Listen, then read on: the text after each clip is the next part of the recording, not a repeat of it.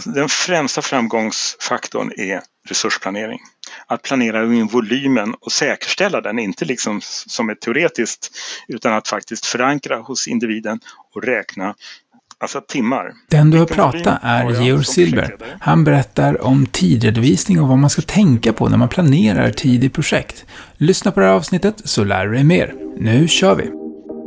Du lyssnar på Projektledarpodden. En podd för dig som gillar att leda projekt och vill lära dig mer av andra om projektledning. Idag har vi med oss en person med bakgrund som utvecklare och som därefter har gjort projektmodeller, program för resursplanering, projektstyrning, uppföljning. Han är nätverksledare hos Dataföreningen. Han jobbar i olika nätverk. Han jobbar med projektkontor, förändringsledningsnätverket. Han har hållit på med PMO-nätverket i Svenskt projektforum och han är ofta anlitad för att hålla föreläsningar. Välkomna, Georg Silver. Tack. Vad är ett projekt för dig? Jo, ett projekt är en, ett förändringsarbete som är beställt av verksamheten för att verksamhetens effektmål ska kunna uppnås bättre än vad man gör idag. Och det är alltså en investering, en projektbeställning är en investering som en verksamhet gör för att få förutsättningar för att nå de effektmål som verksamheten har och som man inte når idag. Och det innebär en budget för vad är investeringen värd och det innebär också ett tydliggörande av leveranser, leverabler eller enablers brukar man prata, eller förutsättningar för att skapa värde. Och en viktig sak är att det här kommer i tid därför att det business case som beställningen beslutas utifrån försvinner ganska snabbt efter förseningar. Alltså man försenar effektmålets verkningar, och det vill säga att man tappar pengar varje dag om man inte levererar i tid. Och den är rätt stor den här. Det är faktiskt 10-15 procent värdeförlust per månads försening i sådana här investeringsprojekt. Och den siffran, var kommer den ifrån? Ja, det finns en återbetalningstid på de flesta investeringar på ett eller kanske till och med två år. Och då har man alltså inte ens tjänat någonting på investeringen. Och förskjuter man det här intjänandet så, och, och dessutom under samma tid har, fortsätter ha kostnader, eh, ja, då försvinner ju anledningen till att göra investeringen. Alltså man får inte igen pengarna, de kommer senare om man får i, och dessutom så det fönster som, invester, som förbättringen kan vara verksam inom, den försvinner. Eh, på Facit på den tiden när man gjorde sin första laserskrivare så berättade konsulten då som var affärskonsult och jag var bara utvecklare där att varje månads försening kostade, eller varje veckas försening kostade 400 000 kronor för Facit. Det projektet blev sex månader försenat och man kunde inte sälja en enda av de laserskrivare som man producerade, den första generationens, därför att Hitachi hann före. Min, eh, men det är en anekdotisk erfarenhet och min erfarenhet är att jag tycker det låter väldigt lite med 10-15 procent. Det var därför jag reagerade. ja, det är bra. Så, så och då, då har du ju definierat lite grann om ett projekt. Det här agila då? Ja, alltså, för oss som har varit med länge så är ju inte det något nytt. Det vill säga att man det är inte så spikat exakt vad resultatet blir, eller från början då. Jag har hållit på rätt länge, då när vattenfallsmetoden var, var på tapeten. Ja, då spikade man ju resultaten tidigt. Eh, och efter något år så kom man på att det var kanske inte riktigt det man ville ha.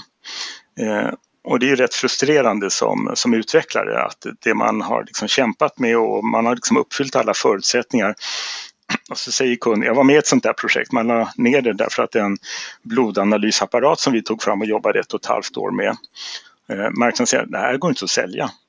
så man la ner allting. Och det är inte så himla kul. Eh, även om det var roligt att göra jobbet så är det lite frustrerande.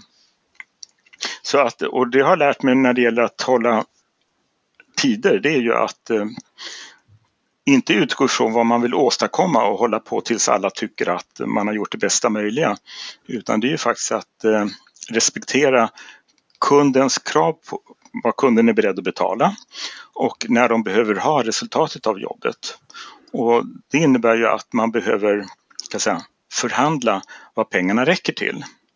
Så att, eh, att jobba agilt, det, ja, vi utvecklar som kan leverera i tid på ungefär på budget har ju lärt oss att ha en dialog med kunden kontinuerligt för vad som man ifrån så att säga, idag eh, och fram till på de återstående timmarna och kalendertiden vad man kan lyckas med. Och utifrån vad kunden tycker att de har bäst betjänt av. Så att, eh, och man kan säga agilt då, att jobba i, i sprintar, ja, det är inte heller något revolutionerande. Om vi tar Prins 2 som är en gammal metod. Där jobbar man i sprintar, fast man kallar det inte det, utan man kallar det faser som är 6 till 8 veckor långa. Och sedan så förhandlar man vad man ska göra under de nästa 6 till 8 kalenderveckorna tills man är klar. Men eh, Scrum har satt nya roligare ord på det och lyckats sprida det med ett annat budskap. Och inte minst att eh, man får jobba mer självständigt. Alltså att det inte är en projektledare som ska hålla på och diktera exakt vad man går till. Det är väl den stora skillnaden och den stora vinsten med det agila arbetet. Men själva tekniken och det man jobbar med, med periodiseringar och uppföljning. Ja, vi som har jobbat länge tycker inte att det är speciellt nytt utan det är vad vi har tillämpat i alla tider när vi har lärt oss hur jobbet går till. Vi på Projektledarpodden är jätteglada att meddela att detta avsnitt är sponsrat av Astrakan Strategisk Utbildning AB. Astrakan har några av marknadens bästa projektledarutbildningar. Till exempel så är den certifieringsförberedande utbildningen som de har den enda i Sverige som uppfyller samtliga kompetenselement från IPMA. Nu kan du som lyssnar på Projektledarpodden få 10% rabatt på kursavgiften. Ange bara rabattkoden PP21, PP med stora bokstäver, vid bokningen på astrakan.se. Boka nu då antalet rabatterade platser är begränsade. Erbjudandet gäller enbart nybokningar och kan inte kombineras med andra rabatter och avtal. För fullständiga villkor, se astrakan.se. Vi ska komma in lite djupare på det här med resursplanering som du nämnde, men jag vill ta två ord först eh, och definiera dem. Styrning och ledning. Ja, styrning är vilka ramar som, den kommer ju från ja, hela vägen kan man säga från ägardirektiv och lönsamhetskrav och sådär till vad är det man ska syssla med, vad är det man ska lägga, vad är, ja, hur fördelar man budget och vad begär man att, eh, att budgeten ska resultera i från verksamheten. Det är styrning eh, som syftar till att aktieägare eller myndigheten ska leverera det som eh, regeringen respektive ägarna säger att den här verksamheten existensberättigande. Det är styrning. Och hur eh, alltså de affärsenheter som får medel och som då är exekutiva. Eh, ledning, det är ju hur arbetet ska gå till. Eh, alltså, man kan säga styrning är för vem och, och vad, medan ledning är hur. Och hur, ja, det gör man ju bäst det är de som så säga, gör jobbet, eller vi som gör jobbet eftersom jag är en konstruktör. Det är vi som vet vad som kan gå, hur det bör gå till. Så att det agila, ja, det handlar om ledning då, alltså det som är skrum och självorganiserande team. Eller man kan ju prata, jag vill gärna jämställa självorganiserat team med arbetslag. Och de som har läst Guillous böcker i den här första boken så är det ju väldigt bra beskrivning av ett arbetslag med att det är arbetslaget som bestämmer när man kan göra olika saker och spränga och utifrån vädret medan då styrningen kommer ifrån de här som beställer järnvägen och, och vad nu heter den här huvudpersonen eh, Lauritsen som då är ingenjören. Men han får ju hela tiden förhandla med arbetslaget om vad, vad som är vettigt och på vilket sätt och när. Och var tycker du ska börja någonstans? Ska du börja i, eh, bland de som gör jobbet eller ska du börja där uppe? Ja, alltså jag säger följ pengarna så vet man vem man ska prata med. Eh, för det är ju, vi pratar inte om hobbyarbete. Man måste ju skilja på sin roll när man är i sitt yrke och, och får en lön eller får ja, ersättning som konsult eller oavsett vad, vad det kallas och eh, det hobbyarbete man gör. Så att det, det finns en gyllene regel som säger the golden rule att he who got the gold makes the rules. Så att om man inte följer pengarna då hamnar man, eller man kan säga så här, om man följer pengarna så vet man vem som bestämmer och vem som och vad som gör att det finns en kontinuitet och en framtid. Och om vi då börjar ett projekt så börjar vi med planeringen. Vad har du för tankar om en VBS, tidplanering, resursplanering, hur det här börjar och hur det hänger ihop sen? Alltså, tidplanering, kalendern, volymen och antal så säga, personer hänger ihop. Eh, utgångspunkten kan vara lite olika. Det kan vara att man frågar, om du nu är utvecklare, Eh, hur många timmar behövs det för att eh, och vilken kalendertid behöver man för att kunna åstadkomma det vi vill åstadkomma? Det kan vara en, en utgångspunkt. En annan kan vara ett lagkrav att de här reglerna, det här systemet måste klara av att hantera nya momsregler eller någon annan myndighetsbestämmelse eller lagkrav på banker till exempel. Från och med första mars så måste det här fungera.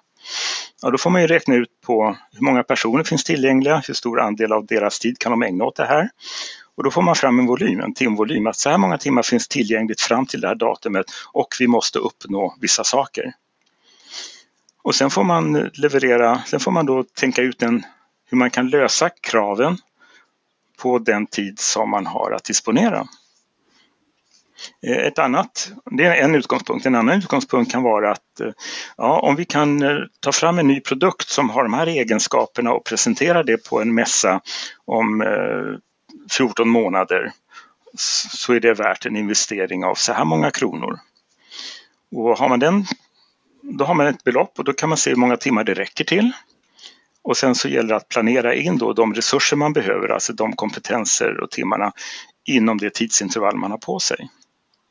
Men det landar alltid i, alltså, så att hur många timmar man har på sig kan gå olika vägar, men man måste komma fram till det.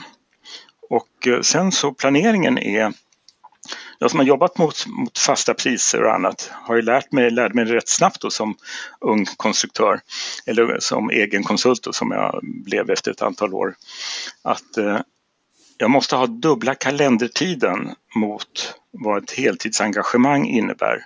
Så att om jag får ett, eh, ja du får 160 timmar Georg för att leverera den här om det är kursförberedelser eller specifikation eller de, de jobb jag gjorde. Då sa jag att ja, det kommer vara klart på nio kalenderveckor. Jaha, men det är bara fyra veckor, du har inget annat. Nej, men jag vet att med de väntetider, uppstartstider och de feedback så kommer kalendern rulla iväg så att jag kommer inte hinna göra effektiva 160 timmar på fyra kalenderveckor. Jag behöver 8 till 9 kalenderveckor för att hinna göra varje timme med, med rätt effektivitet. Och du är ju lite inne på resursplanering nu och varför är det så viktigt?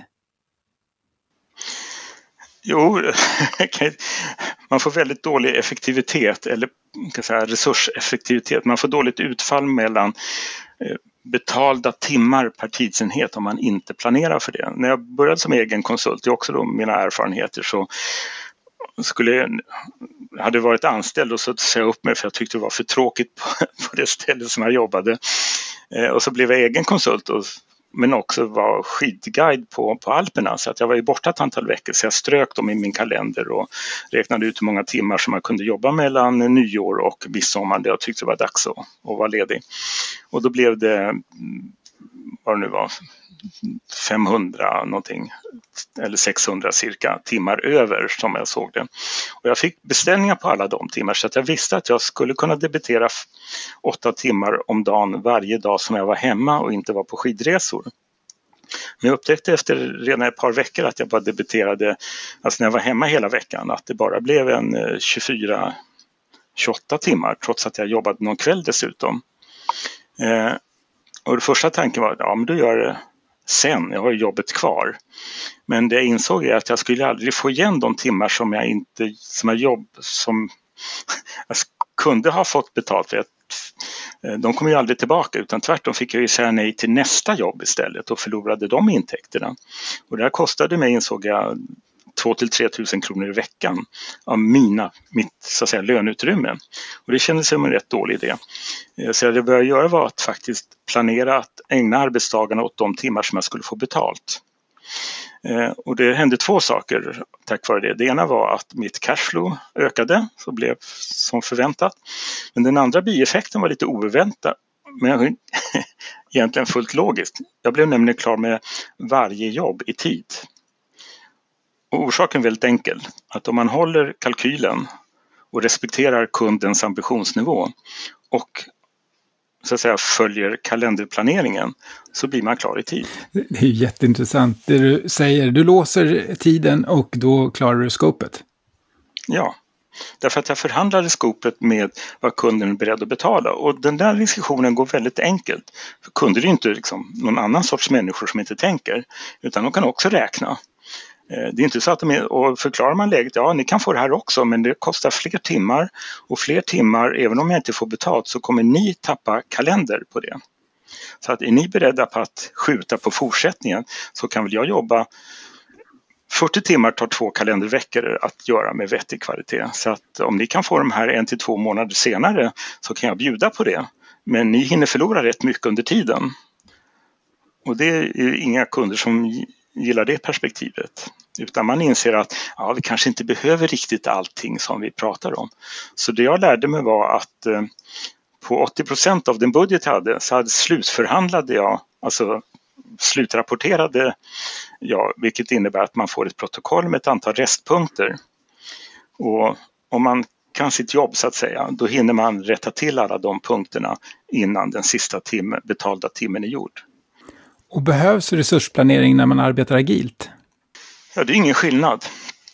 Eh, egentligen. Alltså det är fortfarande en budget även om man pratar om t-shirt-storlekar och andra lite roliga saker. Och så finns en översättningstabell då att en Excel eh, är ungefär 300 000 dollar och sådär. Eh, det var lite roligt för jag räknade på, på de där tabell, tabellen om t-shirtstorlekar och vad det skulle bli i dollar. Och det blev en timtariff på 1240 timmar på alla t-shirtstorlekar. Eh, men framförallt så pratar man om velocity i, i agila sammanhang, för man vill inte gärna prata om timmar. Men den är ju beroende på och då tittar man ju bakåt. Hur gick det förra sprinten? Jo, vi gjorde den här velocityn på så här många såna värdepoäng eller skrumpoäng. Men om man inte vet närvaron nästa period så vet man ju inte, alltså man måste, om man har samma bemanning, samma närvaro, det kan ju vara älgjakt eller sportlov eller någonting annat. Så att de inte, de som är med i teamet kan ha samma närvaro, ja då kan man ju inte förvänta sig samma velocity till nästa sprint. Nej, och, och hur hittar man då balansen mellan det jag skulle kalla överadministration och resursplanering? Ja, det är att inte planera i en arbetsnedbrytning utan man planerar närvaron. Hur mycket närvaro har man?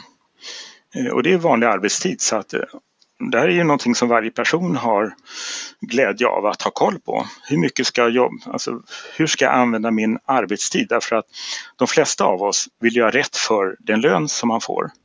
Om man gör rätt för sin lön, om man är närvarande på jobbet och använder sin kompetens till saker och ting som chefer och projektledare eller verksamheten efterfrågar. Eh, och samtidigt är man ju utsatt för, man har ju inte en chef direkt utan man har, ju, ja, man har en chef då, det är den man eh, löneförhandlar och begär semester av. Och sen så har man ju uppdragsgivare och sällan bara en utan det är ju flera som vill, vill att man ska hjälpa till.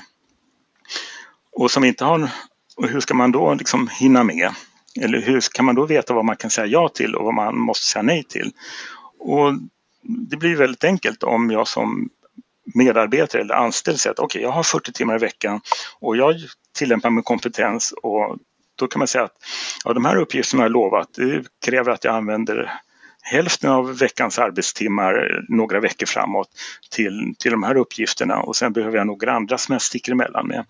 Att jag kunde ha full beläggning eller för att jag som konsult och skulle ha full beläggning då för 30 år sedan, höll på med det där, så upptäckte jag att jag behövde två heltidsuppdrag och ett till för att kunna ha 40 debiterade eller fakturerade timmar i veckan. Därför att den som jag jobbar åt är inte alltid tillgänglig för de frågor jag behöver ha svar på och vice versa. Så att man behöver två till tre uppdragsgivare för att vara det jag kallar resurseffektiv utifrån den arbetstid, alltså den betalning man får gentemot vad man ger tillbaka till firman. Och de flesta av oss vill ju göra rätt för sig. Och det enklaste sättet att göra rätt för sig som arbetstagare det är att vara delaktig, göra sin arbetsinsats så gott som möjligt och tillsammans åstadkomma saker och ting som man får kvittens för sedan. Att eh, ja, jobbet var gjort. Det jag ser när jag är ute på företag väldigt ofta, det är en fragmenterad eh, planering eller fragmenterad arbetsdag där man har väldigt många arbetsuppgifter och väldigt stora omställningstider. Då blir det svårt med resursplanering. Ja, alltså man pratar ju jag har ju hört det där rätt många gånger. Men så ser det ju inte ut, utan man jobbar ju en eller två eller hela dagar ibland med några saker. Ibland så väljer man en förmiddag eller en eftermiddag. Eh, så att det är inte så att man håller på och växlar arbeten varje liksom under, under en arbetstimme. Utan tvärtom är det väl så. Det finns väl rätt många rekommendationer som, som jag också tycker stämmer, nämligen att en arbetstimme det är ungefär 50 minuter. Och sen så är det någon form av break. Det kan vara att hämta kaffe eller att ringa hem och fråga vad man ska handla till middag eller någonting annat. Men under den timmen så ska man inte syssla med någonting annat. Och ibland så kanske man har ett två timmars pass eller ett fyra timmars pass eller, eller någonting annat. Men det är inte så att man byter, liksom switchar ut och ägnar sig åt ett helt annat liksom två gånger i timmen. Det blir inte bra, det kan jag säga. Men just det här som jag pratade eller för min del, min erfarenhet var att när jag insåg vad timmarna var, att jag så att säga, planerade timmar jag kunde fakturera, för det var det jag gjorde, då blev jag ganska immun mot störningar så att mina flickvänner de fick eh, handla på systemet eftersom det var lördagsstängt på, på, den, på den tiden. Eh, och att gå till bilprovningen fick också mina partners då göra så att mina arbetsdagar blev plötsligt självklart heliga på något sätt. Jag städade inte, jag jobbade ju hemifrån. Så att efter någon månad upptäckte jag att det var rätt smutsigt hemma. För en del av mina liksom, avarter i tidhantering var ju att jag fixade lite hemma men jag engagerade en städerska istället. Så att jag hade ju 100% debitering år ut och år in på den tiden jag bara var vanlig konsult. Jobbar du med uppföljning av hur du hade planerat också för att lära dig mer eller var det också sankost? Alltså det, det här är ju två parallella delar. Alltså om man planerar, alltså resursplaneringen, där räcker det att man planerar deltagande och man redovisar, alltså vanlig enkel tidrapportering, hur mycket tid jag ägnat åt det här projektet. Eh, och där är det viktigt att man håller tempot, alltså man faktiskt ägnar projektet rätt uppmärksamhet därför att förseningar, de första förseningarna orsakas, jag har ju sett tusentals sådana här kurvor planerad uppföljning, är att man helt enkelt jobbar mindre. Alltså under en de första månaderna så jobbar man med ett för lågt tempo. Man jobbar inte den om, alltså man ägnar inte projektet den närvaro som man planerade med. Och då är det klart att då har man inte hunnit med så mycket som man hade tänkt sig. Eh, sen så är det tyvärr så att eftersom man har rätt dålig koll på slutet så jobbar man över budget och då får man en till försening. Därför att nya timmar kostar kalendertid. Den andra uppföljningen är vad är det man lämnar ifrån sig? Eh, jag är väldigt mycket emot att man ska rapportera mot en arbetsnedbrytning. Det är verkligen onödig administration och betungande och för medarbetaren fullständigt meningslöst. Eh, att rapportera sin arbetstid, att man har gjort det man har lovat, alltså att man har haft närvaro, det tycker de flesta är meningsfullt. Det vet jag eftersom jag levererar tidrapporterade system. Så vet jag att eh, i de situationer där nya chefer har sagt att nej men vi kan strunta i tidrapportering, då har de anställda protesterat och sagt att de vill tidrapportera för att kunna visa att de har varit närvarande, att de har ägnat sin tid åt rätt saker. Eh, det man behöver följa upp på, och det gör man ju i till exempel, det är att man tittar, har, alltså man räknar de här velocity-poängen. Därför att under de här veckorna har vi kunnat pricka av det vi förväntar oss. Och om man inte jämför det med den arbetsinsats man gjorde, då vet man ju inte varför det har gått dåligt. Har det gått dåligt därför att vi hade frånvaro under de här veckorna och alltså inte har kunnat ägna tid åt det? Är det det som orsakade att vi inte har prickat av allting? Eller var det så att uppgifterna var mer besvärliga än vi trodde? Utan den uppföljningen så vet man inte och man lär sig ingenting. Nej. Och du har ju arbetat med planering av stora program och projekt. Kan du berätta lite hur du skulle rekommendera om, om jag skulle börja ett stort programprojekt nu? Var skulle jag börja och hur skulle jag göra det här idealt enligt din, ditt sätt att se det? Och det ideala är ju och den volym, alltså den timvolym som man kommer att kunna disponera utifrån hur man nu räknar fram det. Det finns lite olika vägar som vi sa innan.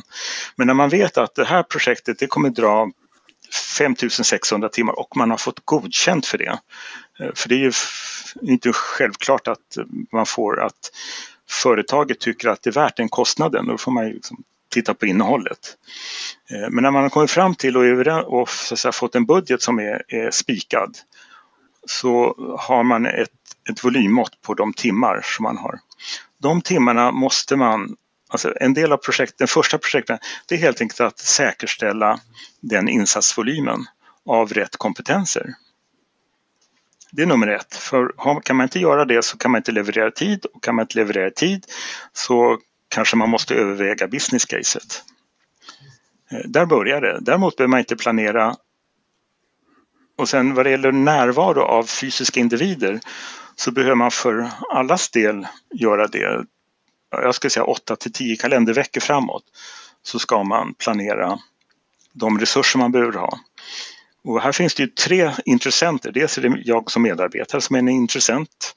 Den andra är projektledaren och den tredje är linjechefen.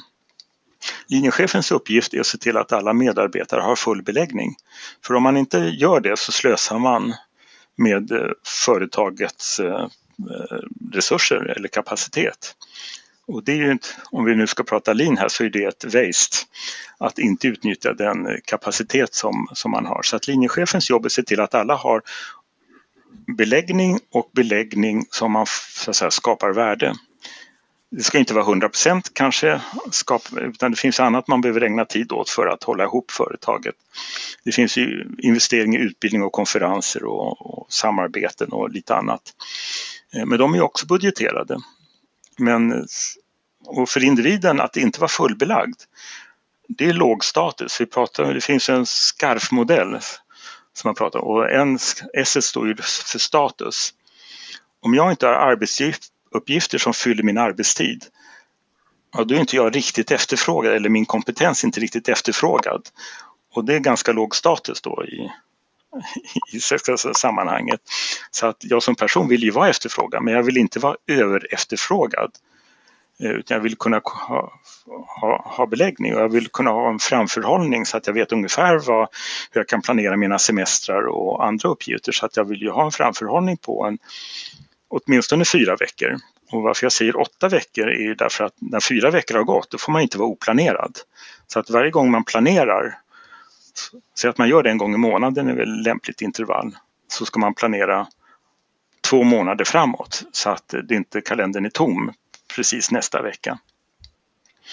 Eh, däremot eh, så behöver man inte planera individer beror på vilka system man har då, men eh, kompetensen och de arbets... Man vet ju om vi tar ett IT-projekt så vet man ju att i början så är det mycket design och konstruktioner och på slutet så är det väldigt mycket test och eh, liksom finslipning och utbildning och dokumentation.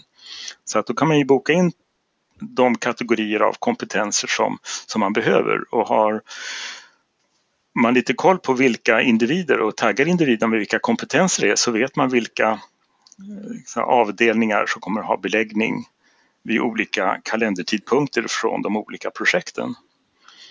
Eh, myndigheter var ju lite förr i tiden så planerade man ju kalend- alltså budgetårsmässigt. Det vill säga man start, avslutade alla projekt vid årets slut och så börjar man alla projekt vid årets början. Och då upptäckte man ju snart att det var inte det smartaste eftersom det var olika kompetenser som behövs i olika skeden i, under en eh, projektlivscykel. Så därför startar man ju numera projekt allt eftersom. Så att de som har designkompetens har en hyfsat jämn beläggning även över ett eh, budgetår på en myndighet. Du började att prata om de tre, du sa linjechefen, projektledaren och medarbetaren medarbetaren, precis. Och den här balansen däremellan. Ja, och balansen är att jag som medarbetare, jag vill ju vara fullbelagd för min status och min... För att kunna, för att kunna vara självstyrande, eller egenstyrning då som man säger, så behöver jag ju ha koll på vilk, hur min arbetstid ska användas under en överskådlig eh, kalendertid. Och det är ja, för de flesta av oss en två, tre kalendermånader som man kan ha hyfsat i huvudet eller på ett Excelblad eller med något annat hjälpmedel. Jag vill ju boka, för mina åtaganden, vad jag kan leverera, det beror på hur mycket tid jag får ägna åt. Om vi tar något exempel, jag fick något litet uppdrag en gång som, eh, kan du titta på vår projektmodell? Ja, hur stor är var på telefon då. Du, du, du kan ju det här. Ja, jo då. Ja, ja, vad kostar det, sa de. Ja, eh, ja, hur många sidor är den på? För ibland i de här projektmodellerna på den tiden, då var det liksom tjocka pärmar med eh, uppgifter. Och, ja, det är 30 sidor. Jag tänkte, ja, det kan man väl läsa igenom på en fyra timmar. Så att eh, vi säger väl en, vill ni ha en muntlig dragning eller en skriftlig rapport? Fråga. För en muntlig dragning det kostar ett par timmar. En skriftlig rapport tar en till två arbetsdagar. Nej, utan de ville ha en muntlig rapport och det var 30 sidor. Och det jag fick var ju 30 overheadbilder så jag var ju klar på en, en timme där faktiskt, tyckte jag. Eh, och sen en muntlig dragning på en eftermiddag. Och nu vill jag ju ta betalt för fyra timmar så att då satt jag och förberedde mig i tre timmar. Vilket var ganska bra för de fick ju en mycket bättre dragning. Så att, beroende, så att jag som person behöver veta hur många timmar har jag på mig för då kan jag också tala om vilken kvalitet eller vilken omfattning som jag kan leverera till, till min beställare. Och så kan jag stämma av, är det det här ni vill ha? Vill ni ha en skriftlig rapport, då kostar det ett par dagar till. Kan ni nöja er med en dragning med overheadbilder så kostar det en dags förberedelse. Du utgår ju i hela tiden ut från tiden då. Men i ett större sammanhang, då har vi även andra projekt och en annan linje. Hur tänker vi med resurser här? Jo, därför att de här som jag sa då, det jag lärde mig var att jag planerade fakturerbara timmar och bestämde för att det var det jag skulle ägna mina arbetsdagar åt, alltså de dagar jag var hemma och inte var skidguide på, på Alperna. Då skulle jag ägna mig åt mitt nystartade konsultföretag. Och det jag upptäckte för att kunna fylla min kalender med fakturerbara timmar, alltså varje dag, så behövde jag minst två uppdragsgivare. Jag behövde två till tre uppdrag, inte samma dag naturligtvis, men alltså över en, en planeringsperiod på ett par veckor. För jag kunde inte fylla min kalender med timmar som var värda att ta betalt för. Anledningen till att jag fakturerade lite från början, det var ju för att jag inte tyckte jag kunde ta betalt för väntetider eller när det var lågpresterande, jag saknade information. Det, det vill jag inte ta betalt för. Så då vände jag på det hela för att och planerade effektiva timmar. Men då behövde jag fler uppgifter så att eh, om vi tar ett stort sammanhang med många så att om, om allas kalendrar är synliga, om alla kan se hur min planering ser ut och då kommer de upptäcka att de närmsta två, tre veckorna så finns det kanske inget utrymme. Och sedan fjärde veckan, ja då finns det kanske 16 oplanerade timmar. Då kan man ju lägga jobb på mig. Det är som e-handel eller någonting annat. Alla andra sådana här kan säga, digitaliserade eh, kalendrar som man bokar tid hos bilprovningen eller sin tandläkare eller någonting annat. De, placer, de lämnar ut sina kalendrar. Här är lediga timmar eller här är timmar som, ja det är det man ser, man ser lediga timmar. Och alla som har pengar eller behov eller har mandat att använda dem kan ju då boka dem och veta att de blir väl mottagna. Den som bokas upp får reda på att yes, min kompetens är efterfrågad, det är trevligt. Min chef vet att det finns intäkter för mina timmar. Och finns det branscher eller projekttyper där det här tänket passar bättre? Ja, överallt där mantimmen är den verksamma och avgörande komponenten. Om vi tar, det finns ju andra sammanhang, logistik, transporter. Då är det ju inte min närvaro specifikt som är viktig. Eh, om vi tar ett arbetslag, eller man brukar prata om gräva diken då, man kan inte vara liksom tre man som inte gräver diket. Det är bättre att en av de här tre går och köper öl åt de andra två. Så att ibland så är det ju logistik och andra faktorer som styr vilket tempo man kan jobba med. Och vi pratar ju om byggen och andra sådana här saker där det är transporter eller oljeled, alltså mm, de här eh, datoriserade Eh, verktygen de började med, tror jag, har jag hört i alla fall, när man började leta efter olja i Nordsjön därför att det är väldigt mycket logistik med rör och såna här eh, lera som ska pumpas ner. Att det är det som avgör med vilket tempo man kan borra hålen. Men där det är mantimmen som avgör om saker och ting kommer hända eller inte. Alltså direkt som funktion, till exempel programutveckling eller tjänster. Det kan vara städning också. Är inte folk på plats så blir det ingen städning gjort. Kan, man mäter ju städning efter kvadratmeter och vi som, jag har flyttat nyligen så att man tittar på vad kostar städningen, flyttstädningen, ja, hur många kvadratmeter är det? Ja, är det biytor eller är det, är det boningshus? Så sätts priset efter det och arbetet för de som gör det planeras deras tid efter, efter det. Och hur hanterar man då att olika individer levererar olika bra beroende på kompetens?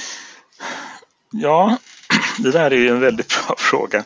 Och det finns ju exempel då, så att ja, en del säger 1 till 10. Och jag roade mig lite grann här för när jag funderade på det där för ett tag sedan. Om man tittar på normalfördelningen så att jo, det finns ju individer som presterar 10 gånger bättre än en annan.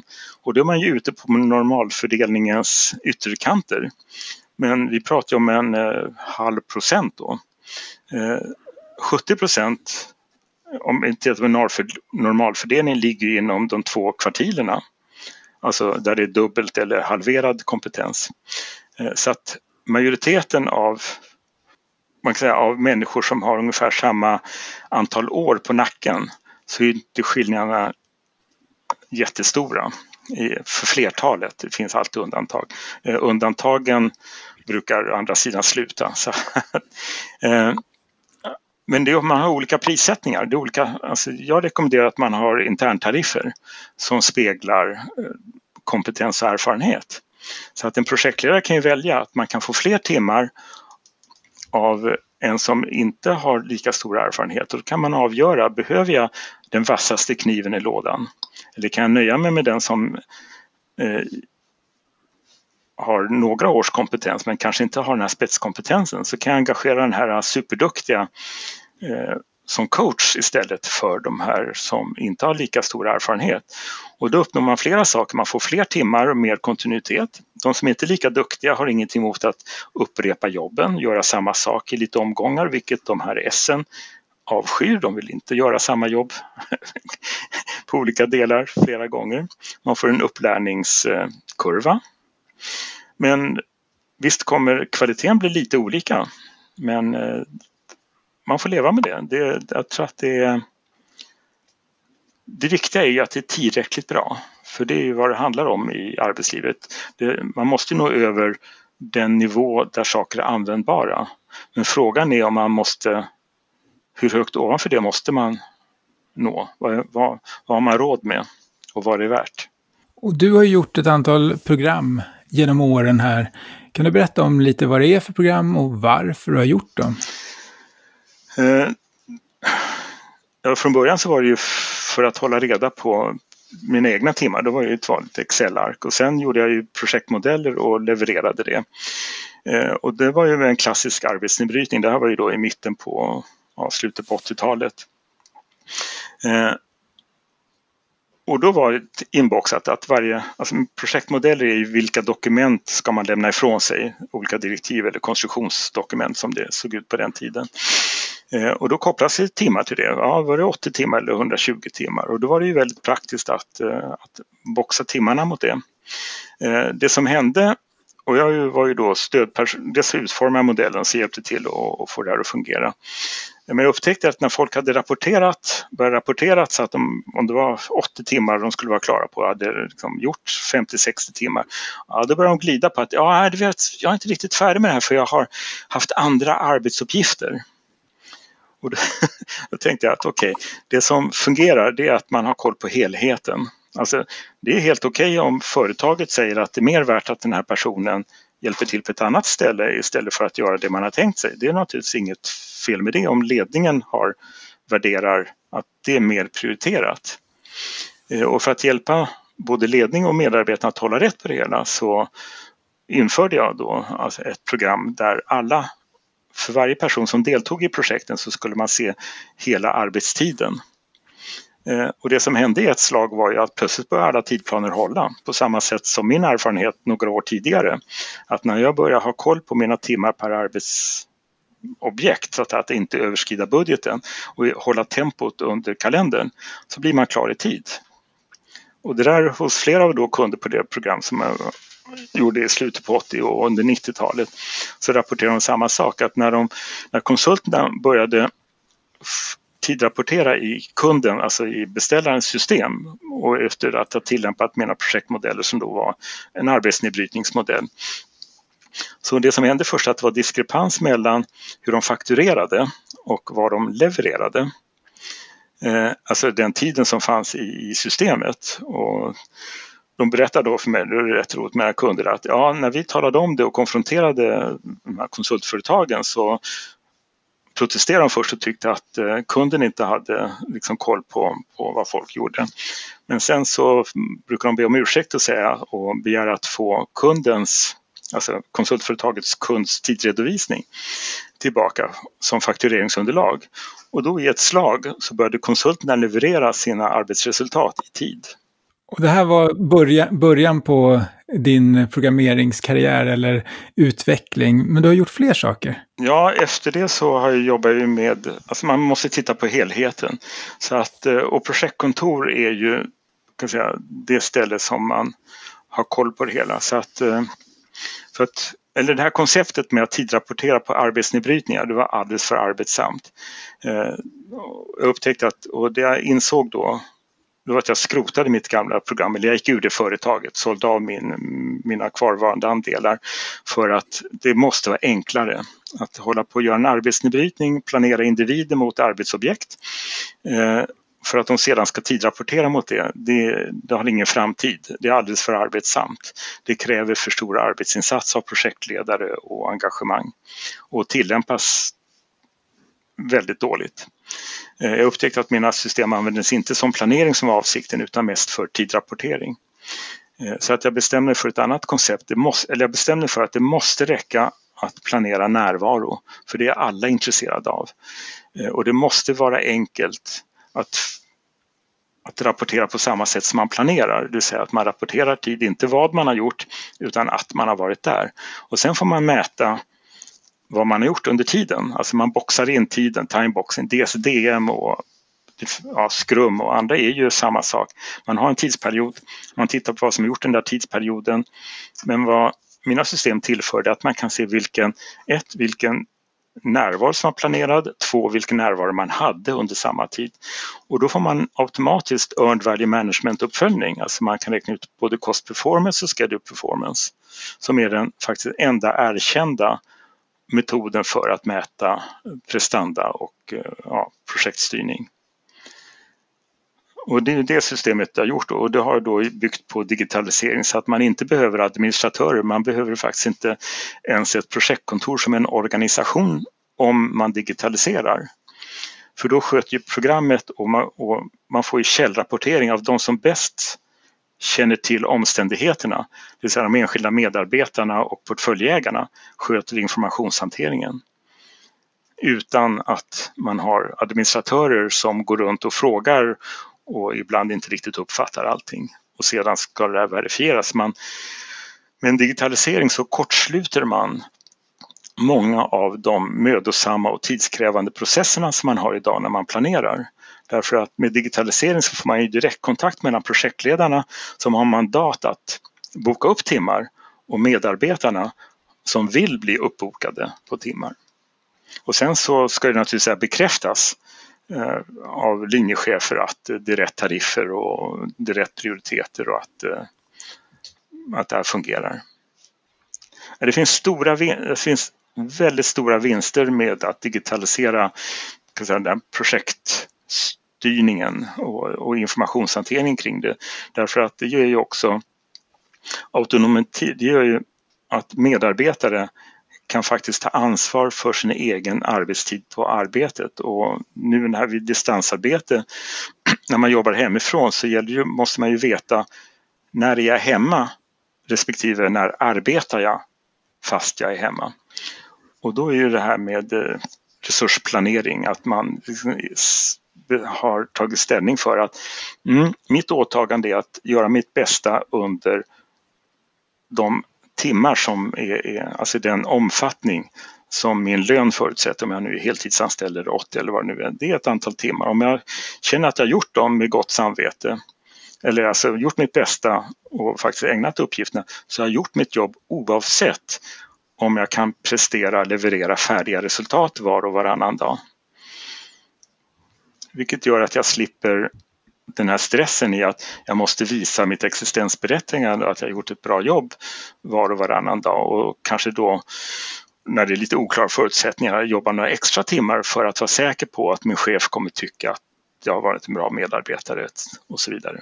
Det är en sak som jag inte hänger med på riktigt, det är att du säger du låser tiden, du rapporterar av arbetstiden och samtidigt så klarar du av earned value. Vad är det man då rapporterar av emot? Alltså vad är det man säger är gjort? Ja, det är ju två saker man som earned value redovisar, eller som man ser. Det ena är om man jobbar med rätt tempo. Och det andra är om man lyckas med eh, att liksom hålla estimaten, kostnader för de enskilda arbetsuppgifterna. Så man kan ju ha cost performance 1,0 eh, men, inte, men leverera på dubbla kalendertiden därför att man bara har jobbat med halva den arbetsinsats under tiden.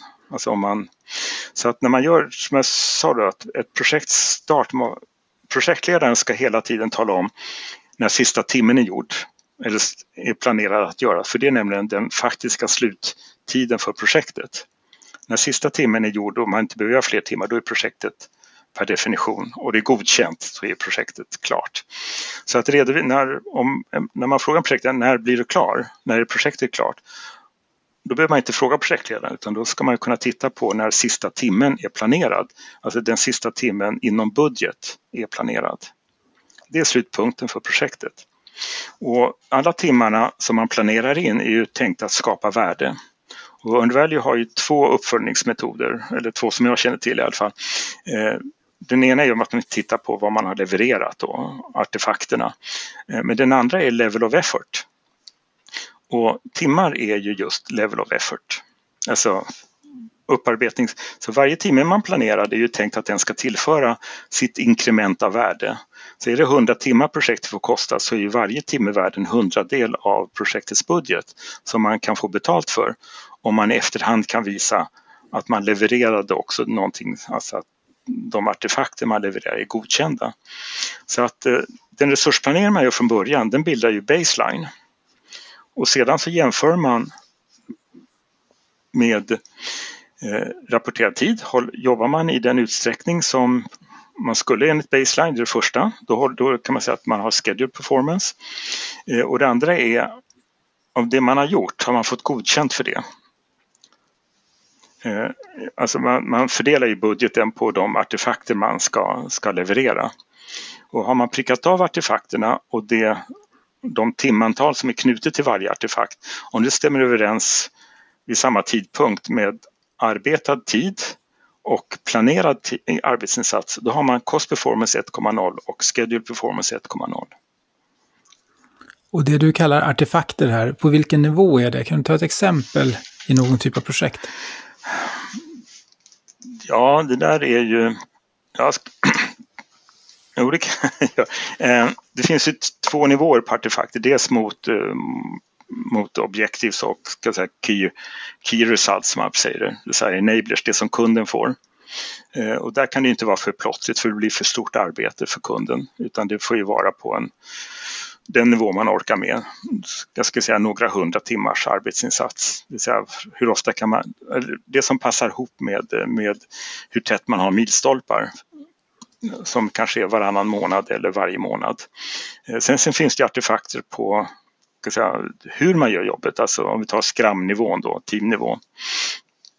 Och där skulle jag ju säga att för att kunna ha styrning och uppföljning så behöver man ha eh, ett avslutat jobb eh, om vi tar på personlig nivå, åtminstone en eller kanske två per vecka.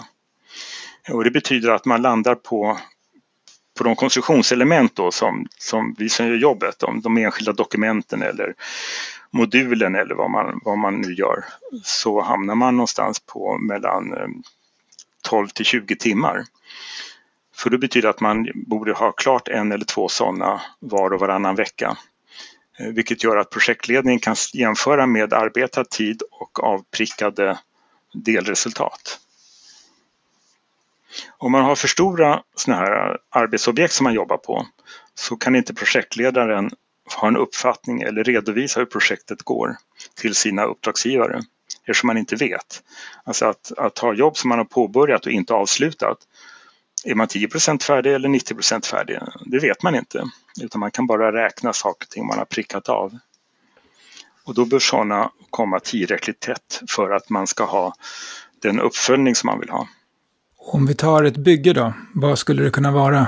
De artefakterna, vilken nivå är vi på? Jag känner inte till byggen. Nej, nej kan, ta, kan, kan ta programmering av ett, eh, ett affärssystem. Man delar ju ner det i... Ja, alltså, jag tycker att metodiken med, med Scrum är väl, är väl bra då. Alltså man har use cases eh, och backlog items eller sprint backlog items. Och då skulle jag säga att ett use case då, någonting som man ska jobba med i säg fyra kalenderveckor. Eh, då kan, så beror det på hur många personer då som jobbar med den här eh, use case. Men om det är en person så får det vara högst 80, 80 timmar. Eh, för enligt mitt sätt att säga att man inte får ut liksom, 160 timmar på, på en kalendermånad på en enda sån här liksom funktionsuppgift utan man kanske i bästa fall kan ägna ungefär halva eller effektiv halva tiden. Det betyder att man har 80 timmar på sig och jag tycker att man ska kunna leverera det mm, inom en kalendermånad så ska man uppvisa något, något resultat och då får det omfattningen per person vara ungefär 80 timmar. Och tittar man på ett eh, fortlöpande, alltså backlog item, Eh, så nu säger ju en del då, som vad jag har fått upp, att man ska helst bli klar varje dag med någonting. Jag kan tycka att det är lite för lite, alltså att det är lite för små items, att det blir för stressigt. Att, att leverera någonting som man har avslutat och gjort, alltså man får en uppgift och ska man avsluta under, under en dag. Jag tycker att det är för, för, hög, för hög upplösning, att det är för arbetsamt. Utan jag tycker väl att eh, för varje person. Om man kan leverera någonting som känns ganska färdigt en eller två sådana saker i veckan så kan man vara ganska nöjd med den nivån. Och det betyder det. Och det där kommer jag säga att en sån här uppgift ska inte vara mindre än, jag har satt en undre gräns i mina rekommendationer till fyra timmar. Man ska inte gå under det. Eh, men man ska heller inte gå över, säg 20 timmar. Därför att om det är fyra timmars intervall, det blir väldigt många saker som man ska, alltså det blir väldigt mycket administration. Eh, men om man går över 20 timmar så kommer man inte vara färdig varje vecka med en uppgift. Och det betyder att uppföljningen och styrningen blir för dålig. tycker det låter som väldigt bra siffror du har där. Och vi har pratat om digitaliseringen och lite möjligheter. Vilka fler möjligheter ser du med digitaliseringen inom det här området? Ja, det vill ju att projektkontor blir en funktion istället för en organisation. Alltså man behöver inte den administrativa överbyggnaden som på något sätt också stör medarbetarna. Alltså, ju, fler, ju fler kockar desto sämre soppa brukar man säga. Men det är ju också att man får källinformation, källdata, eftersom medarbetarna talar om vad de vet om en varje person vet när de kommer vara frånvarande, alltså av semestrar eller vab eller lite andra saker som ingen annan vet. Eh, om man inte berättar det för dem. Eh, det betyder att ledningen, portföljägarna, har beslutsunderlag som är 100% faktabaserade. Alltså det finns inte olika åsikter om vilken status är i olika projekt. Det finns inga oklarheter i hur belagd man är. Och jag vet ju, eftersom jag sett siffrorna, att eh, organisationer som tror att de är överbelagda själva verket är, är ganska kraftigt underbelagda. Inte de närmsta en, två kalendermånaderna men om man tittar lite längre fram så kan man åta sig mycket mera. Eh, man slipper ifrån att linjechefer säger att äh, vi vet inte när vi får loss de här personerna. Har man digitaliserat på det här sättet som jag, som jag berättar om, då vet man precis när varje person kommer vara ledig och i vilken, i vilken utsträckning. Så att chefer har korrekta underlag. Medarbetarna kan styra sig själva. De har, all, de har den information och den omvärldsbevakning. Alltså, om man digitaliserar, om man använder Trello och andra programvaror, om de kanbantavlorna är synliga och då kan jag ju se hur mina kollegor har planerat när de tänker jobba med samma saker som jag är beroende av och när de tänkt avsluta det så kan jag planera mina uppgifter i samklang med när, hur min omgivning agerar. Det gör att alla har en större säkerhet, alltså från högsta chef till säga, medarbetare till en medarbetare som bara är, är utvecklare eller någonting annat. Alla har samma möjligheter att sköta sitt jobb utan att behöva ringa eller via muntlig tradition få reda på omständigheterna. Och dessutom så syns det ju, jag kan ju få feedback. Om jag är projektledare så vet jag ju vad jag, eller jag tror mig veta vad jag ger för direktiv. Men det jag inte vet är ju hur mycket jag egentligen har sagt och vad min, de som jag, ska säga, mina medarbetare, vad de har uppfattat. Och jag vet ännu mindre om vad de egentligen planerar att göra.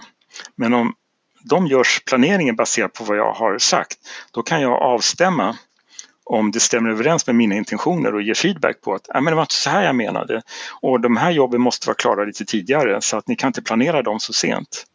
Då kan man ha den konstruktiva dialogen i realtid. Och hur arbetar man då med omplanering när någon resurs blir upptagen med någonting eller får en annan prioritering? Det man behöver göra är ju för att kunna skilja vilka, om det är två jobb som kolliderar, om det här, alltså man, behöver ju, man har en planering så kommer det ett jobb. Nu är det ju så att det är sällan som jobb kommer in dagen efter. Alltså, det är sällan det kommer in ett jobb idag som måste göras imorgon. Det kan naturligtvis hända och då gör man det. Alltså det, man, det här volymen, i och med att man sträcker ut den som jag sa då, att jag ger alltid dubbla kalendervolymen mot vad som är absolut nödvändigt utifrån vad man skulle kunna hinna med. Eh, då finns det ju förskjutningsmån hela tiden. Det vill säga på slutet så är man väldigt upptagen med en enda sak de sista ja, veckorna eller vad det kan vara. Eh, och för att kunna skilja vad jag måste ägna mig åt just nu, vad som är viktigt, så det ena är hur nära slutet är jag för att hinna göra de sista timmarna i en, en parameter. Men annars är, så taggar man, eller portföljägarna taggar varje projekt med en eh, angelägenhetssiffra eller på en skala 1 till 5 eller A till F eller någonting.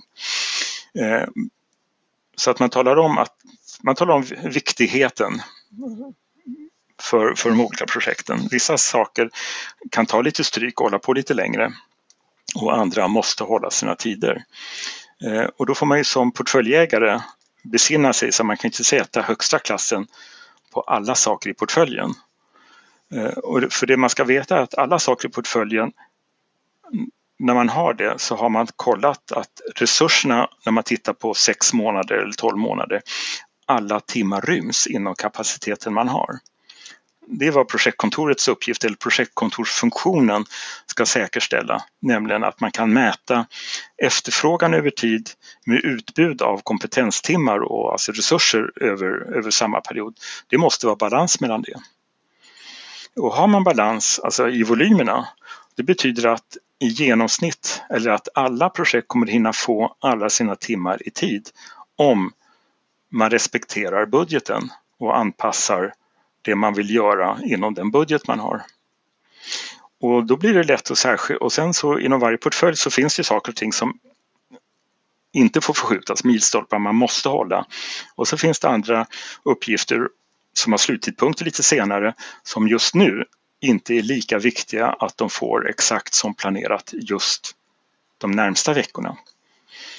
Eh, och den siffran har alla tillgång till. Alltså linjechefen ser det, medarbetaren ser det. Så att är det så att jag upptäcker att jag behöver vabba några dagar den här veckan, då ska jag ju titta på min tidplanering på mina tidrapporteringsobjekt och se vilka är klassade som A, vilka är klassade som B och C.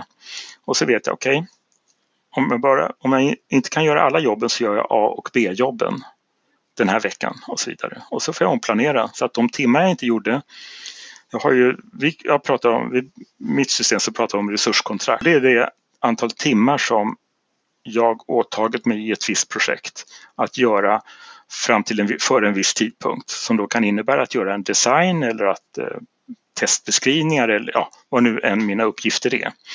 Eh, och de timmarna har jag lovat och jag, jag ska ju tala om att om jag inte gjorde dem de här veckorna så kommer jag göra dem ja, när jag kommer göra dem och så får man naturligtvis samplanera med projektledaren vad som behövs. Så att, och när alla deltar i det här, då blir det ju väldigt enkelt. Men om en person ska försöka göra någon masterplan för 30-40 personer, de planerna kommer ju inte hinna bli färdiga när de säga, behövs.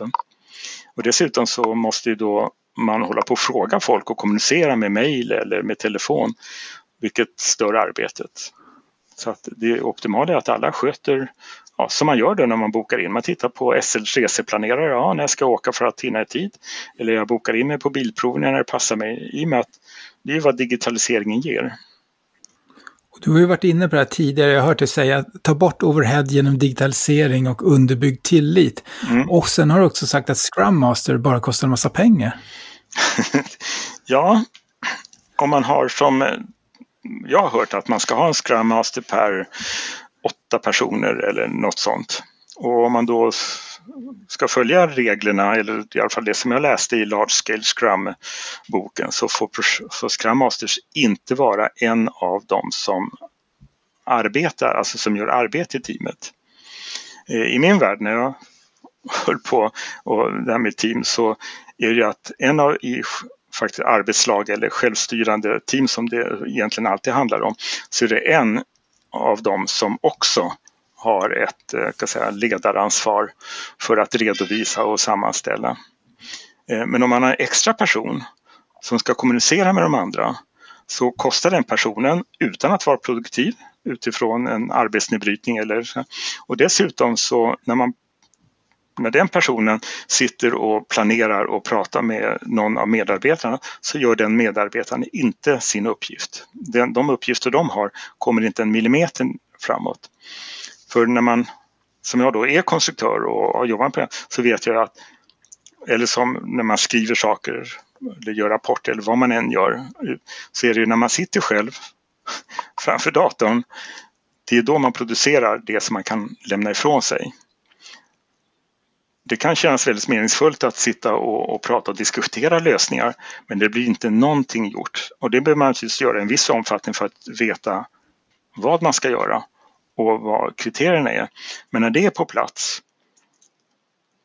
så behöver man sitta och, och producera det som, det som ska bli gjort. Det som, allting som överlämnas kostar arbetstid. Så att eh, jag bestämmer för på den tiden som jag då, eller jag jobbar ju fortfarande på fast pris väldigt ofta, så är det att det får kosta, jag räknade ut att det får kosta ungefär ett en uppgift på 100 timmar fick kosta 6 till 8 timmar högst totalt i möten med uppdragsgivaren. Alltså en eller någon timme uppstart, ytterligare en eller två timmar avstämning efter ungefär 30 procent, eh, två timmar slut, den här slutavstämningen och sedan leverans. Och ska man då ha extra samtal under tiden så tappar man arbetstempo. Då håller inte de här siffrorna längre. Men handlar det inte om att göra eh, saker rätt och rätt saker? Jo, det gör det absolut. Rätt saker, det får man ju fråga uppdragsgivaren om. Eh, vad är rätt saker? Eh, och sen måste man ju respektera ambitionsnivån. Eh, för om man håller högre ambitionsnivå kostar fler timmar. Fler timmar kostar förutom pengar kostar kalendertid. Det vill säga att mottagaren får det de ska ha senare. Eh, vi kan jämföra här idag med, med vaccinering. Eh, ja, vi vet väl ungefär hur planeringen i, i Sverige verkar vara. Eh, I Israel så kör man 24-7 på vaccinering och har tror jag, idag vaccinerat en och en halv miljon medarbetare. Och i Sverige så har vi inte kommit så långt. Vi diskuterar vad som är rätt saker, att, eh, alltså rätt personer att vaccinera. Så att eh, rätt saker är vad uppdragsgivaren behöver och det vet de inte riktigt. Eh, de vet vilken effekt de efterfrågar eller vilken effekt de saknar. Det, det, vet de. Men jag lärde mig tidigt som utvecklare att inte vänta på en specifikation och skulle jag få någon så skulle det i alla fall vara för dålig kvalitet och inte på rätt detaljnivå för mig som konstruktör att kunna leverera det. Utan jag insåg att en del av mitt jobb var att omvandla beställarens, eh, det de efterfrågade, till en lösning, alltså en konkret lösning och fråga om det var det här de ville ha. Och min första projektmodell var att börja med att göra manualen. Och det var innan, och det var på skrivmaskin för det var på den tiden. Så att det första var att göra manualen för att och då fick man göra det i några omgångar tills bestämma sig att ja men det är det här, de här funktionerna vi vill ha på det här sättet. Det andra jag gjorde var att göra acceptanstestspecen.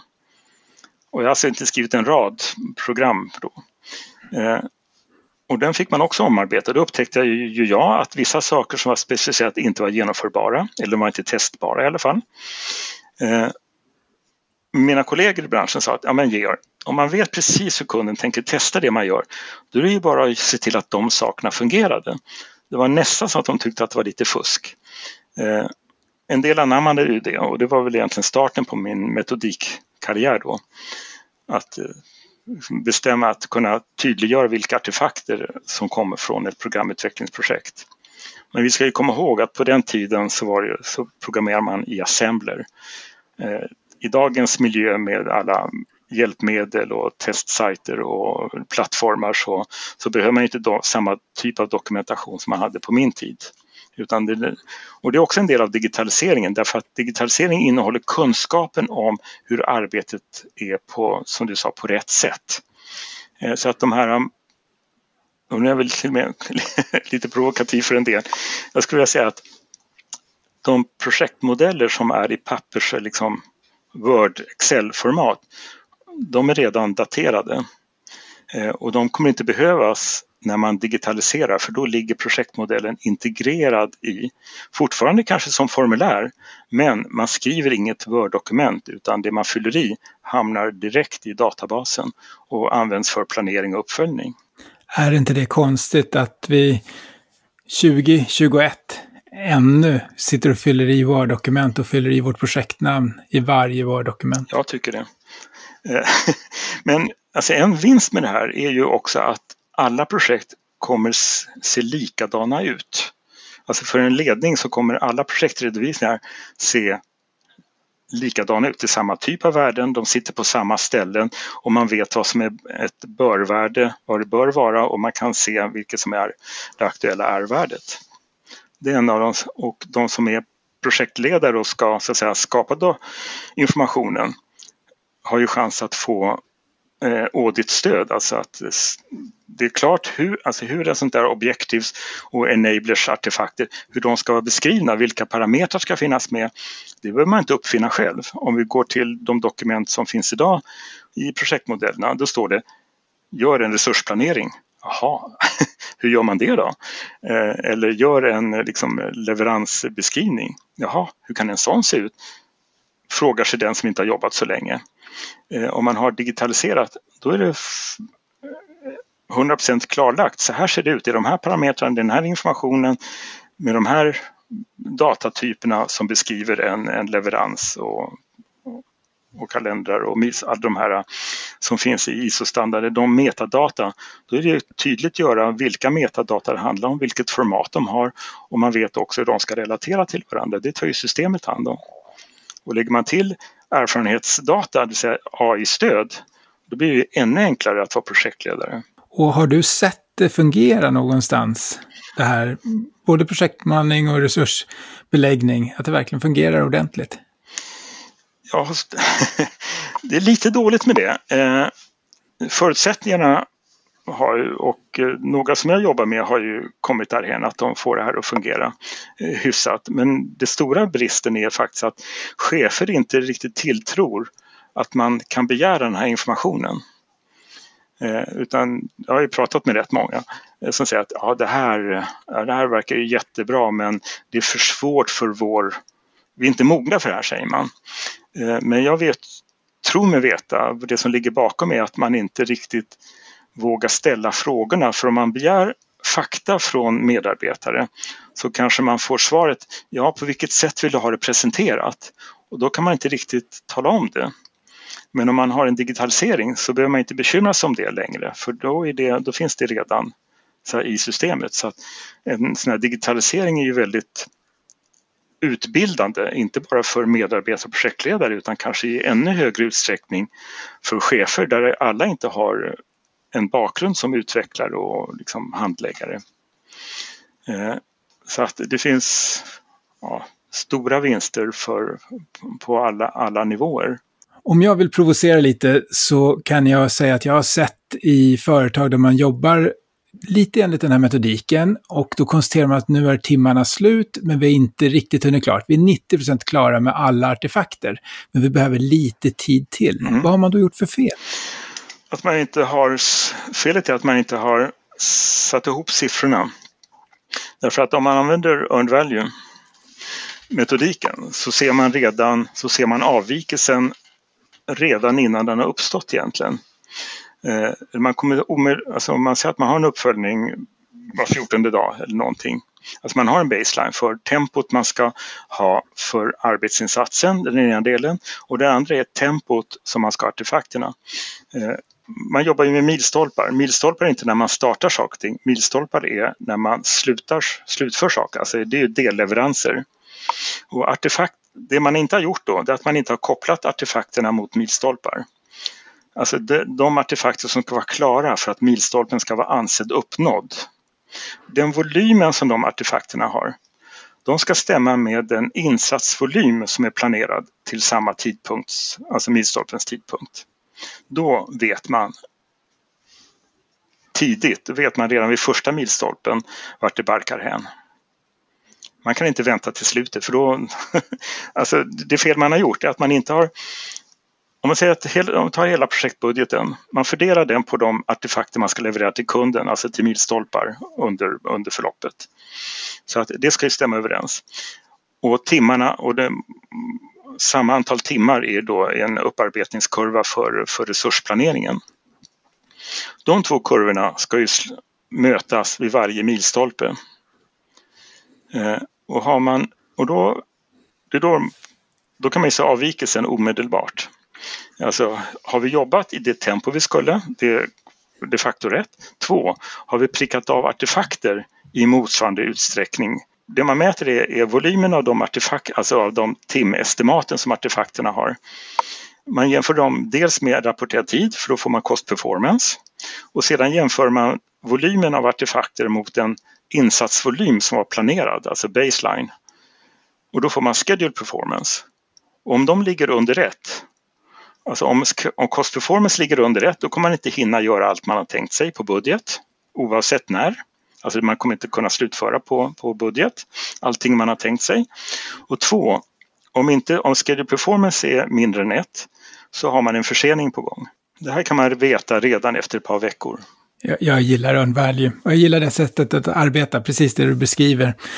Och jag har gjort misstag med det här genom att acceptera att man säger att det är nästan klart. Och sen har vi ändå lagt in det som klart och sen visar det sig att det var bara nästan klart. Har du gjort några sådana misstag eller liknande som du kan tipsa andra om att undvika? massor av misstag och ibland ser man inte så noggrant, så precis som de säger, och så ångrar man sig.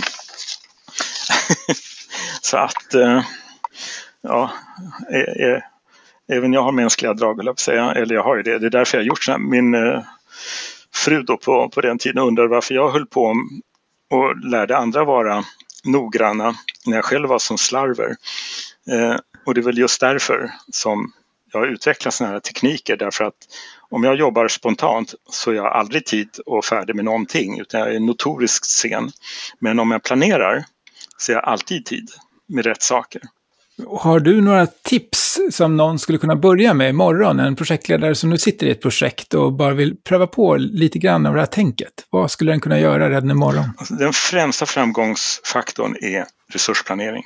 Att planera in volymen och säkerställa den, inte liksom som ett teoretiskt, utan att faktiskt förankra hos individen och räkna alltså timmar.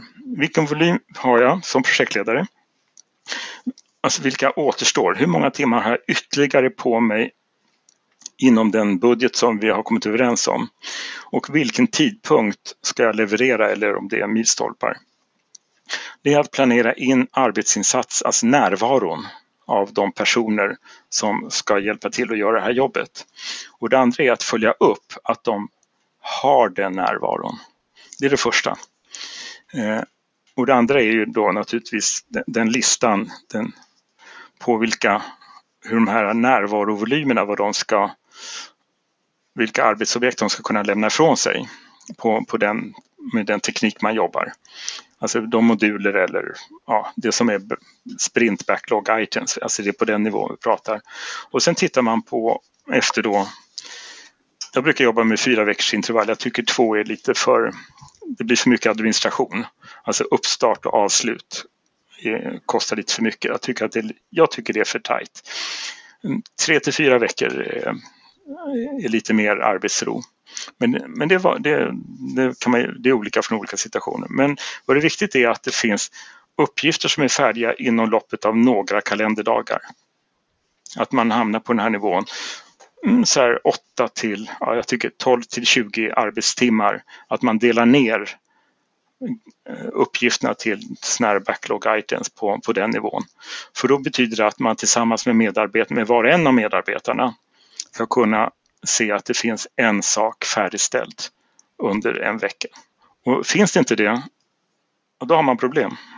Jätteintressant. Och om man skulle vilja få kontakt med dig och prata mer om det här, hur gör man då?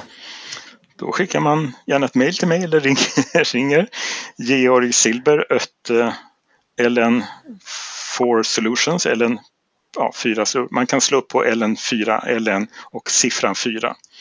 Eh, Solutions AB. Eh, och jag finns ju på LinkedIn som Georg Silber. Så att, eh, och just nu tänk, det är lite spännande för vi tänker gå ut med ett... Eh, vi kan ju mäta det här väldigt enkelt från vanlig tidrapportering så vi kommer ju gå ut med ett erbjudande om att mäta resurseffektiviteten hos de som är intresserade. Så att man ser vilken nivå man ligger på, om det är värt att investera i förbättringar eller om man är så duktig som man behöver vara. Väldigt intressant.